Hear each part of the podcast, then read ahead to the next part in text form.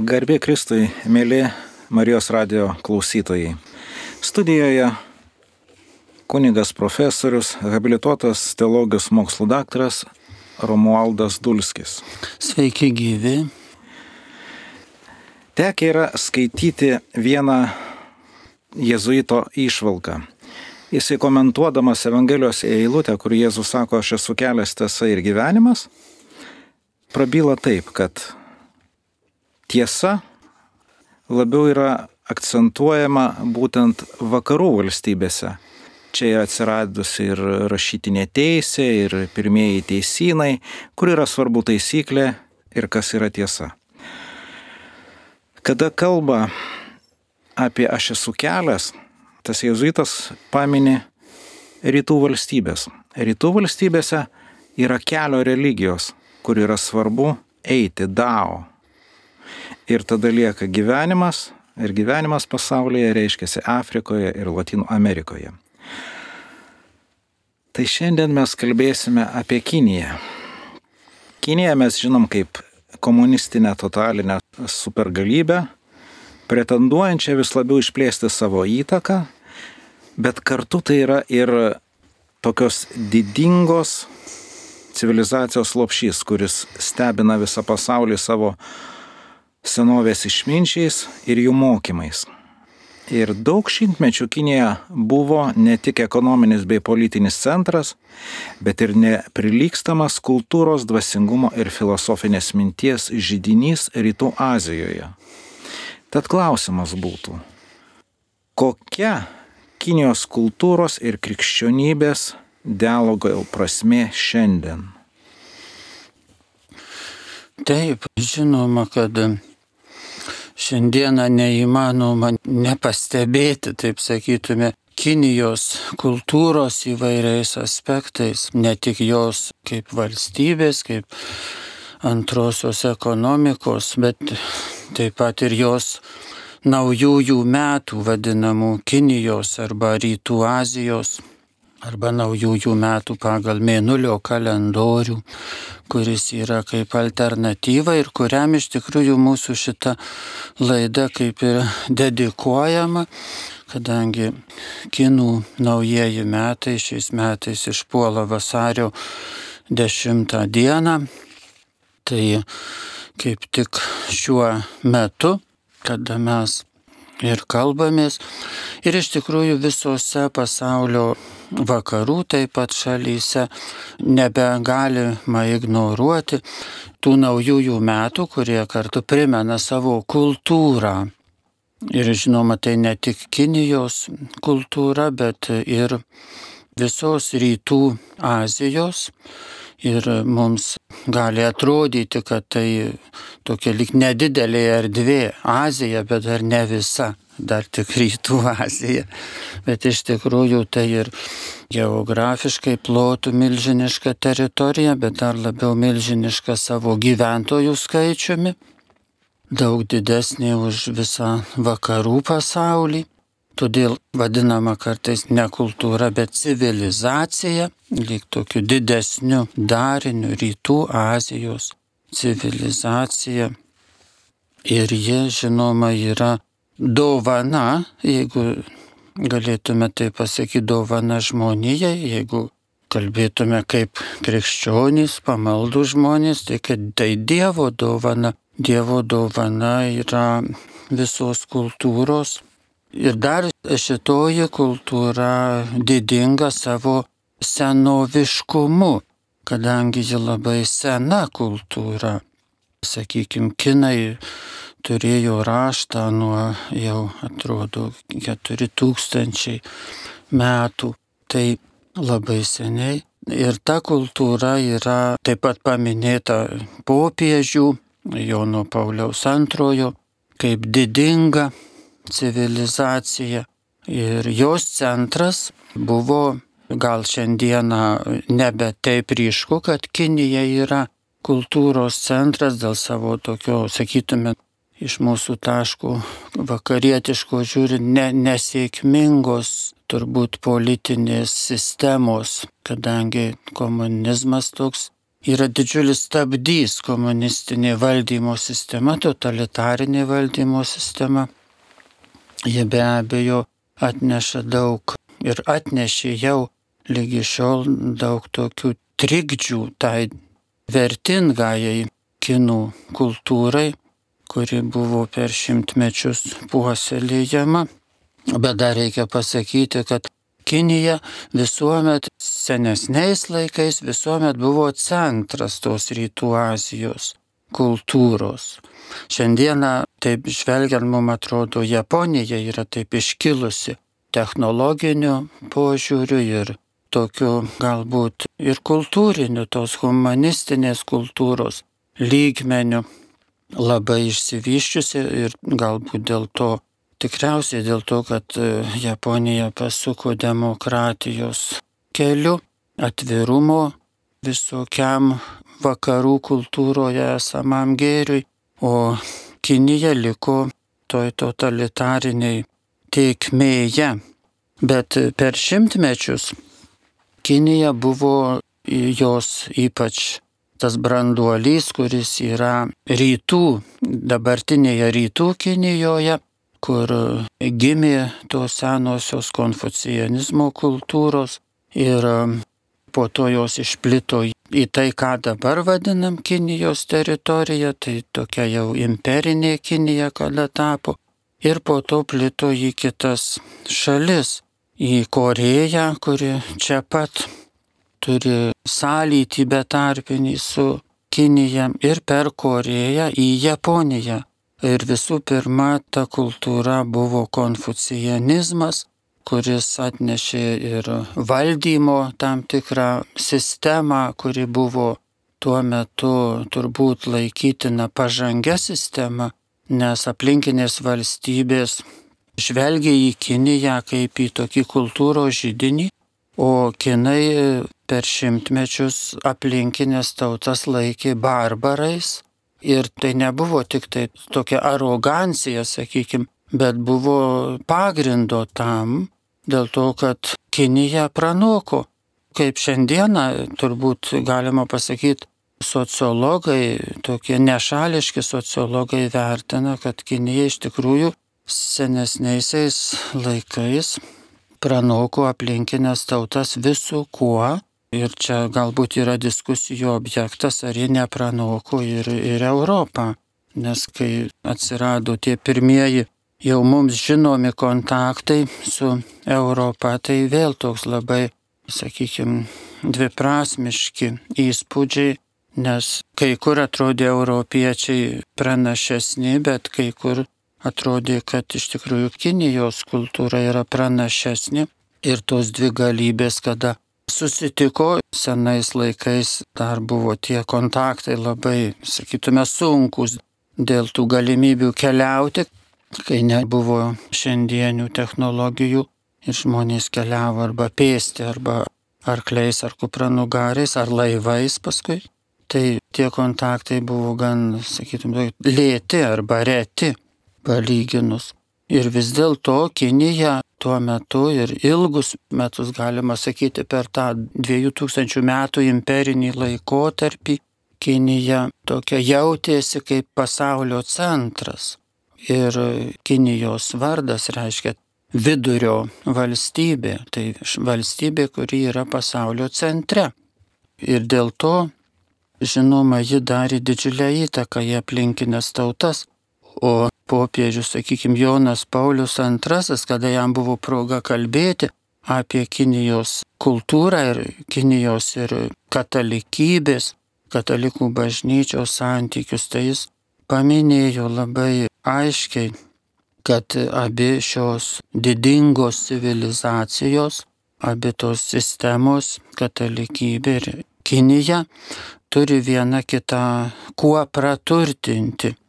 Jų dialogo prasme, kad jos turi ką pasakyti viena kitai ir kad ir viena ir kita pusė turėtų sugebėti išgirsti savo pašnekovę, reiškia, ir praturtėtų tada ir viena ir kita. Jūs minėjot popiežių Joną Paulių II ir apie tai, kad jisai vat, kalba apie tą praturtinimą. Tai kokie dvasinės Kinijos kultūros ypatumai? Visų pirma, žinoma, ta nuostata labai svarbi, kad mes iš tikrųjų, kaip sakytume, nebijotume tarsi pažvelgti į kitą kultūrą ir nesijaustume, kad turime apsiginti lyg tai nuo kultūros, bet ją pažinti ir tas pažįstame iš tikrųjų, žiūrėk, mes ir žmonės pažįstame tuos, kuriuos mylime, o kuriuos ignoruojame, pavyzdžiui. Tai jeigu aš ką nors ignoruoju, man tas žmogus neįdomus, aš su juo ir nesikalbu, tegul jisai save eina pro šalį. Gal aš matau, ateina, man atrodo, galvot, neverta su juo kalbėti. Nu, aš abstrakčiai taip kalbu. Reiškia, mes taip dažnai iš turbūt krikščionybėje galima sutikti dažnai tokią nuostatą, kad ateina kita kultūra pro šalį ir mes ją geriausia bus, jeigu ignoruosime. Tai tada žinoma, tai nėra evangeliška, ar ne? Nes abejingumas tai nėra protinga, ir tai nėra, nėra net naudinga, reiškia, tai nuostolis. Mums naudinga pamatyti, ypač kas vertinga yra, ir tada ką nors rasti, ką galime pamatyti ir rasti. Tai vėlgi, galbūt galime pamatyti, kad Kinijos kultūra tiesiog iš kitokių šaknų kyla. Ji daug ką kitaip supranta, kaip pat jūs paminėjote, kad ji daugiau kelio prasme gali būti įvardinta. O mūsų vakarietiška arba abraomiškųjų religijų visų trijų, ne tik krikščionybės, bet islamo ir judaizmo ta kultūra yra tokia tiesos. Jeigu mes sakom kokią nors tiesą, tai visa kas priešinga tai tiesai jau yra netiesa ir atmestina. Ir labai tas, kai pereina į dogmatinį pasaulį, tai tada jau pasidaro labai savitas mąstymo būdas. To nėra Azijoje, jie į tą žiūri kitaip. Ir pavyzdžiui, konfucijanizmas visai neturi dogmų. Jis nieko neliepia, kad tu privalai ką nors tikėti. Bet iš tikrųjų dogmų prasme tikėti, bet tikėti gėrį ar blogį, tai kitas jau klausimas. Ir tai yra kelio tema ir labai, sakytume, toks akcentas nukeliamas į, į gyvenimo praktiką. Pasirinkti tai, kas yra dangaus valia.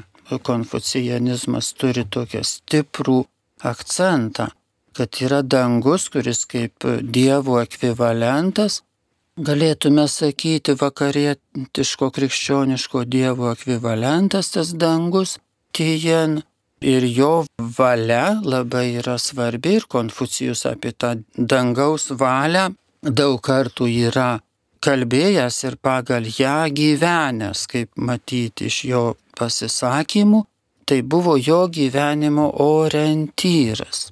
Bet tokių dogmų nėra ir tai įdomu. Ir, kaip sakome, mes vakariečiai labiau klausime, kas mes esame. Tokiu lik filosofinis mūsų toks gyvenimo egzistencijos labiau suvokimas, kas yra pasaulis, kas esu aš ir jeigu mes suprantame, kas yra pasaulis, kas esu aš, mums aiškiau atrodo viskas tada aiškiau, o kinai labiau klausia, jiem atrodo, kad tai toks lik beprasmiškas tas klausinėjimas, nes jis teorinis. Jiem labiau rūpi, koks tas kelias, kuriuo turiu eiti, arba kaip man būti, ką man daryti. Tai čia tokį galima rasti papildomumo principą. Ir kartu galbūt kinų kultūra tą tokį mato kūno ir sielos harmonijos ir viso gyvenimo harmonijos būtinumą. Ir kad žmogus yra visų pirma gal taip suvokiamas kaip harmoninga asmenybė. Ir žmoguje turi būti, reiškia, yra naktis, kad pamiegotum, yra diena, kad dirbtum ir visur tas toks pusiausvyra tarp darbo ir poilsio, tarp mankštos fizinės ir dvasinių pratybų, pavyzdžiui.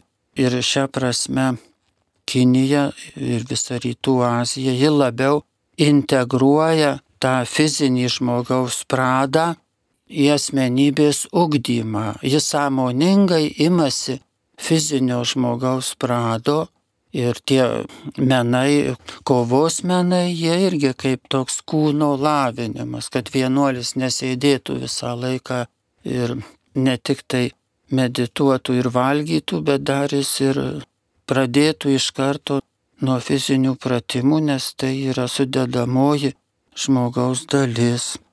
Taip, daugybė turbūt yra dalykų, kuriuos galime rasti Kinijos civilizacijoje. Jūs jau paminėjote Konfucijų. Kiek žinau, esate išleidęs ne vieną knygą apie krikščionybės ir konfucianizmo santyki. Tai ar negalėtumėte trumpai klausytojam apibūdinti, kas tas konfucianizmas, kokie pagrindiniai momentai konfucianizmo mokyme? Taip, iš senovės, reiškia, šitas žodis yra sugalvotas pavadinimas konfucianizmas yra vakariečių terminas. Patys kinai tokio, sakytume, net nežino, nu dabar žino iš vakariečių, bet niekada nebuvo konfucianizmas, tą ką mes sakom, Kinijoje vadinamas konfucianizmu. Jis buvo mokytų žmonių mokymas, mokslininkų, sakoma, mokymas. Nu, tie mokslininkai senovės, jie jau kalbant moksliškai, tai jie kitokio lygmens ir galėtume vartoti žodį mokslinčiai, jie tokie mokslo žmonės ir tai irgi labai įdomus aspektas. Reiškia, konfucijanizme tie mokytojai buvo traktuojami kaip moksłavyriai, kaip mokslinčiai, kaip mokslininkai, nes jie ir užsijimdavo studijomis, tyrinėjimais, skaitimais tų išminties tekstų ir jų interpretavimais, jie užsijimi rašė, pritaikė, toliau vystė konfucijanizmą, kuris turėjo po konfucijaus skilo į įvairias šakas ar kryptis, natūraliai vystėsi vienomis ar kitomis kryptimis, skleidėsi. Ir tai šiandieną konfucijanizmas tokia dominuojanti jo interpretacija, kad jis nėra religija, bet jis yra toks humanistinis, etinis mokymas arba taip pat išminties mokymas, išmintingo gyvenimo mokymas. Taip kaip pas mus yra konfirmacija, sutvirtinimas teikiamas tokiem paaugliams, taip konfucijanizme yra panašiame amžiuje berniukai įvesdinami į, į tokį išminčių kelią. Reiškia, tas akcentas paauglystėje į kurį jie kaip ir inicijuojami, tai yra, kad jie ryštasi žengti išminčių keliais, nes tas toks tobulas žmogus konfucijanizmo kultūroje tai išminčius yra. Arba šiek tiek, taip paprastai sakant, dar yra lyg žemesnis toksai, prieinamesnis, jau kadangi išminčius yra aukštas lygmuo, tai yra kilnus žmogus, kuris elgesi neegoistiškai, kuris socialiai, kas labai rūpėjo Konfucijui socialiniai ryšiai, socialinis gyvenimas, socialinė harmonija, socialiniai santykiai, geranoriškumas, ta pamatinė konfucijanizmo dorybė, kuri verčiama kaip humaniškumas, bet kadangi tai yra toks įvairiai galim suprasti, žodį humaniškumas, tai Konfucijaus turbūt šita konfucianizmo darybė gal geriau, tiksliau būtų mums išversti geranoriškumas, ko Konfucijus mokė kaip pamatinio dalyko. Ir tas geranoriškumas atgręžtas reiškia į visus žmonės socialinėje plotmėje, juo reikia vadovautis ir tai yra kilnaus žmogaus bruožas kilnus žmogus tas, kuris visomis aplinkybėmis su visais žmonėmis elgesi geranoriškai. O išminčius jau yra dar aukštesnis lygis, kuriam jau elgtis negeranoriškai, net ir, net ir mintis jau neateina jau tokiam kažkokiam nepaprastam, sakytume, kartais tokie paviršutiniški vertėjai ar kaip tokie populiarūs vertėjai iš, iš kinų į vakarietiškas kalbas, tai tą išminčių išverčia šventuoju. Tai taip specialistams turbūt skaityti, tas kažkaip nervina ar atrodo labai jau suprimityvintai. Bet tai irgi įdomus bruožas, kad tarsi jeigu šventasis, tai mes visi jau krikščioniškos vakarų kultūros žmonės lik suprantam, kad čia toks kažkoks va jau pavyzdinis žmogus. Bet Kinijoje, jau jeigu tiksliau kalbant, tai kai kas laiko teisybė konfucijanizmą religiją, iš e, sinologų, konfucijanizmo tyrinėtojų ir Kinijos tyrinėtojų, bet kadangi yra, yra tam tikrų religinių gal aspektų, dangus, dangaus valia ar maldos kokios nors, taip pat praktikuoja konfucijanistai, bet didesnioji ta labiau oficiali tokia nuostata, kad konfucijanizmas nėra religija, bet etinis mokymas, tai ta prasme mums labai turbūt krikščionims svarbu suprasti, kad tada jis nekonfrontuoja su krikščionybė.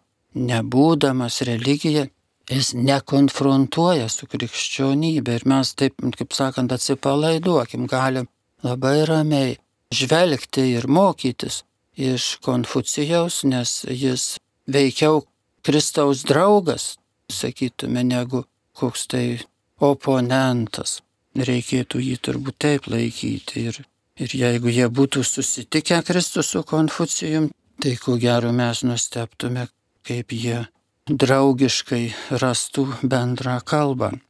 Mhm. Primenu, mėly radio klausytojai, kad kalbamės su kunigu profesoriumi Romualdu Dulskiu ir mūsų pašnekėsio tema yra Kinijos kultūros ir krikščionybės dialogas. Kinija yra milžiniška valstybė. Joje yra beveik 1,4 milijardo gyventojų.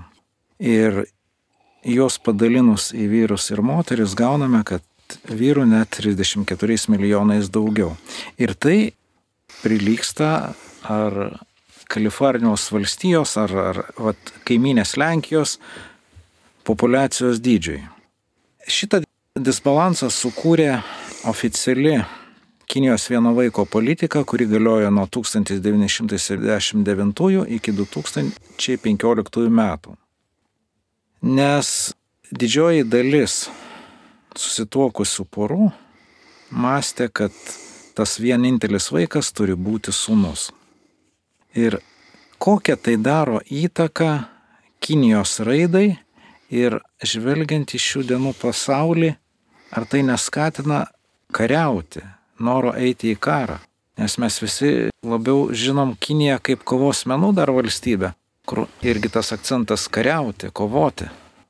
Taip, tai turbūt vis tiek kovos galbūt menai susiję su ta kūno kultūra, sakyčiau, tas ryškus aspektas. Kitas žinoma dėl, dėl to, kad vienuoliai, kad galėtų apsiginti nuo visokių plėšikų senovės laikais ir kovos menai senovėje turėjo savo realią prasme ir realią galę, dėl to, kad bet koks huliganas, kaip sakytume šiandien, ar toks pavienis plėšikas, ar net tokie plėšikų komanda, jie negalėdavo lengvai įveikti vieno ar kelių vienuolių, kurie buvo įsilavinę kovos menuose ir galėjo lengvai nuo tokių apsiginti. Ir tais laikais tai buvo gan toks visiškai reali jėga ir net vienu metu Kinijos imperatoriai buvo uždraudę kovos menus, matydami tokią alternatyvę jėgą valstybėje, kad tie kovos menų puoselėtojai, jie reikalui esant, jie gali sukilimo kokio metu jie išstoti kaip tam tikra priešiška galybė. Bet kada atsirado šaunamieji ginklai, tai kovos menai prarado savo militarinę prasme ir apsigynimo turbūt didžiaja dalimi taip pat, nes ir tie plėšikai pasidarė ginkluoti. Tai ir liko tokia kaip mankšta susijusi su antropologinė filosofija, gal galėtume sakyti, apie kūno vaidmenį ir reikšmę žmogaus asmenybei. Ir Kinija, jos tas karingumas toks sunku būtų turbūt vienareikšmiškai apibūdinti. Ji, kada buvo suvienyta prieš mūsų erą 200 metų maždaug, tai tuo metu buvo suvienytos kelios nedidelės valstybės dabartinėje rytų Kinijoje ir po to ji plito, didėjo ta šalis, bet taip istoriškai žvelgiant lyg taip tolydžio palaipsniui ir, ir užėmus tam tikrą teritoriją, maždaug tokią kaip dabar, ji daug maž joje turbūt ir galėtume sakyti išliko. Kartais tos teritorijos sumažėdavo, viena kita teritorija atkrisdavo. Buvo daug žinoma vidinių kovų, įvairių sukilimų, įvairių tokių tarpusavio dinastijų kovų, kai viena dinastija kažkaip išsikvėpdavo matyti ir jau nebepajėgdavo valdyti, ateidavo kita ir tai būdavo dažnai kariniai, bet vidiniai, taip sakytume, vidinės tokios kovos. O paskutinį šimtmetį, 19 ir 20, ypač 19 šimtmetyje Kinija labai nesėkmingai turėjo tas karinės kampanijas arba karus su vakarų valstybėmis, kur ji pralaimėjo, buvo sutriuškinta XIX šimtmetį, kadangi kovojo su visomis vakarų valstybėmis, kurios turėjo bendrus priekybinius interesus. Ir čia jau atskira tema - opijaus vadinamieji karai, kurie nedaro garbės ir vakarų kultūroms, kurios tuo metu dar kitokia buvo ta socialinė, turbūt moralė reiktų pasakyti, vakaruose. Ir šiandieną didelį skirtumą jau matome politinėse, socialinėse vertybėse, kurios dominuoja vakarų pasaulį. Tai Kinijos tokie tie karinės kampanijos ir taip pat Japonijos įsiveržimas 20-ame amžiuje antro pasaulinio karo metu, kai Japonai labai sėkmingai kariavo, siaubė tiesiog Kiniją, kur ką tik norėjo užkariavo. Tai visa tai tokius duoda kažkokius, tai turbūt nelabai geras asociacijas kinam.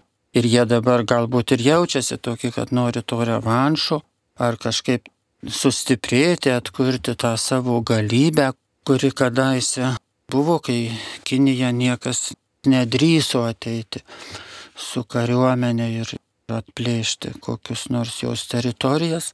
Paskutinis, žinoma, jos tas pilietinis karas, kai Mao Cedongas ir Čenka Išy, dvi tos komunistiniai respublikonų, kaip ją pavadinti, kariuomenė kovojo ir komunistai laimėjo dėl tokių kokios tos priežastys, ar čia Dievo kažkoks leidimas, kad tai būtų, nes šiaip labai istoriškai žvelgiant turbūt labai keistai gali atrodyti ta komunistų tokia pergalė, nes po to atėjo toks totalitarinis valdymas.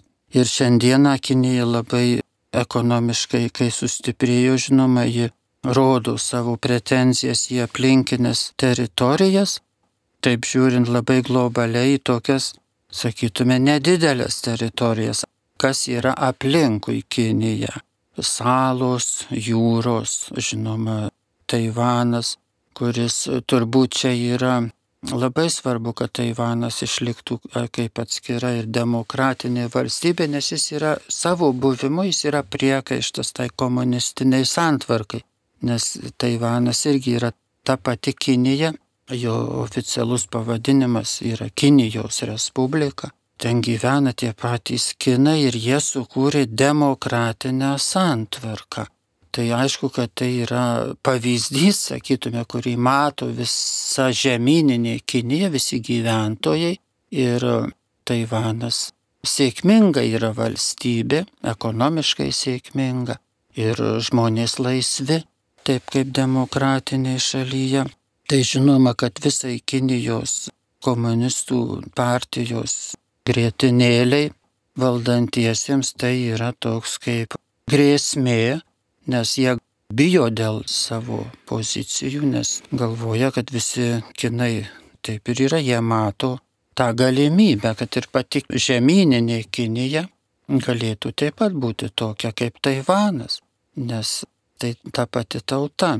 Bet galbūt, žinoma, ta vieno vaiko politika sukėlė didžiulį tokį, galima net ir katastrofą turbūt pavadinti, kai tie 30 su virš milijonų vyrų neberanda savo žmonų. Tai žinoma, ką jie veikia ir gal ir nėra tokių tyrimų ir suprantama, kad Kinija ir nenori, kad tie tyrimai būtų, nes aišku, jie būtų negatyvūs, neigiami. Tokie kažkas tai vienas dalykas, ta visa vyrų populiacija, jie aišku, jie nėra laimingi žmonės.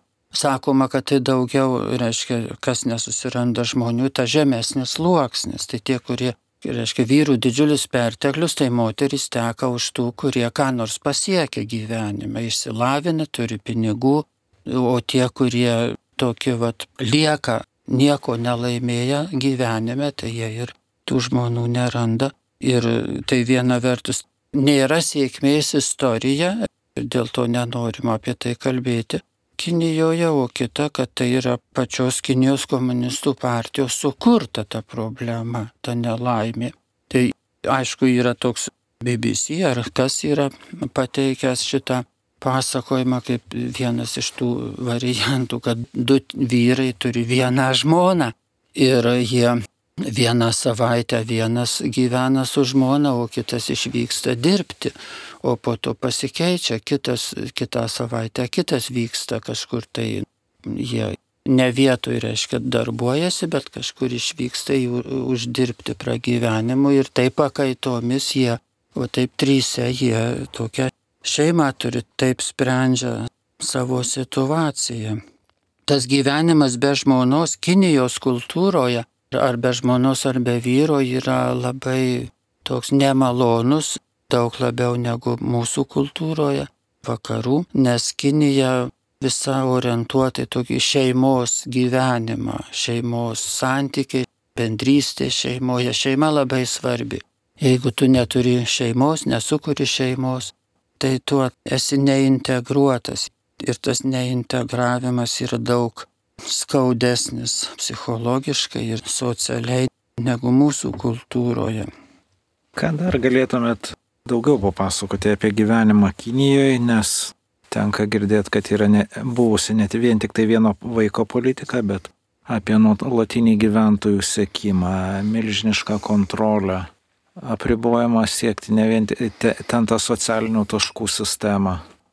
Taip, tai yra, taip yra, kad tikrai galbūt tai iš baimės kyla iš komunistinio režimo baimės, nes jie turi ko bijoti, jie instinktyviai jaučia turbūt, kad jie yra neteisūs ir kad jiem reikia žudbūt sukontroliuoti žmonės, nes jeigu nesukontroliuosime, negalėsime jų valdyti.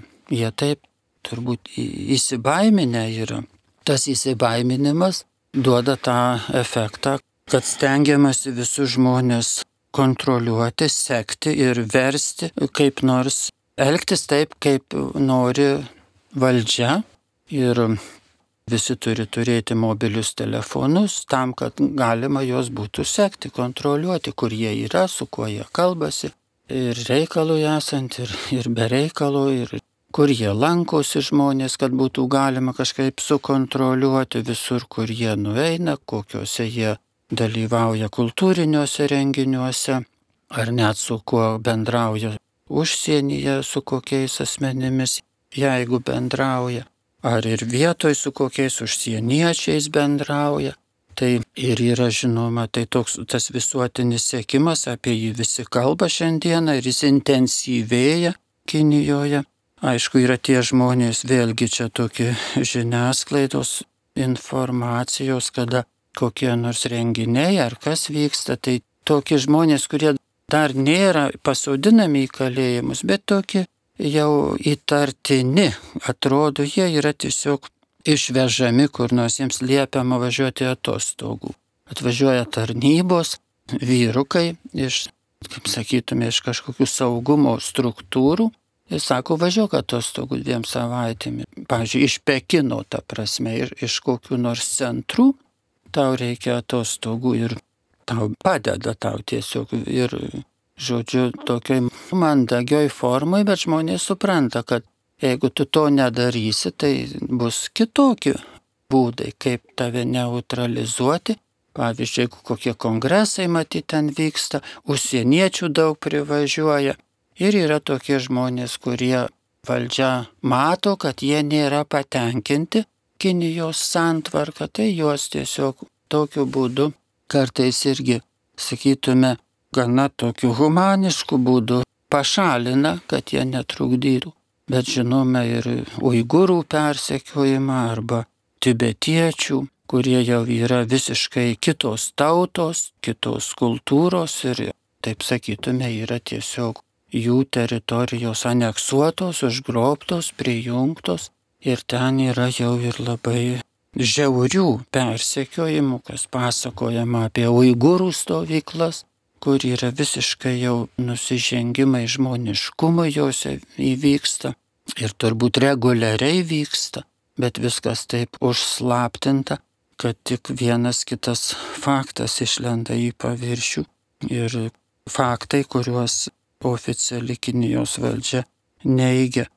Bet Šitie visi dalykai turbūt nurodo į tai, kad dabar Kinijos politinė sistema atrodo stipri, taip kaip Sovietų sąjunga atrodė labai stipri iki Gorbačiovo, nepajudinama. Ir atrodė, juk mums atrodė, kad niekas negali sugriauti Sovietų sąjungos. Ir kas norės su ją kariauti, nesigalinga kas gali ją iš vidaus pajudinti, nes viskas sukontroliuota. Visi disidentai arba kalėjimuose, arba link jų juda. Tai panaši situacija. Kinija atrodo, atrodo dabar labai galinga, bet turbūt reiktų galvoti taip, kad joks totalitarinis režimas iš tikrųjų nėra galingas savo gelmėje, savo esme, nes žmonės, jie, sakant, vieną kalbą, kitą galvoja vienaip elgesi, ką kitą jaučia. Ir turbūt tų žmonių, kurie yra nepatenkinti ir kurie nieko nesako, jų daugėja ir, ir jų kada nors vis tiek turbūt tos baimės realizuosis, baimės, kurių bijo šiandienis Pekino režimas. Ačiū Jums, kunigė Romaldai, už atsakymus. Baigiame laidą, kurioje kalbėjomės su kunigu Romaldu Dolskiu apie Kinijos kultūros ir krikščionybės dialogą. Laidą vedžiau aš, Mindaugas Advilonis. Su Dievu. Su Dievu.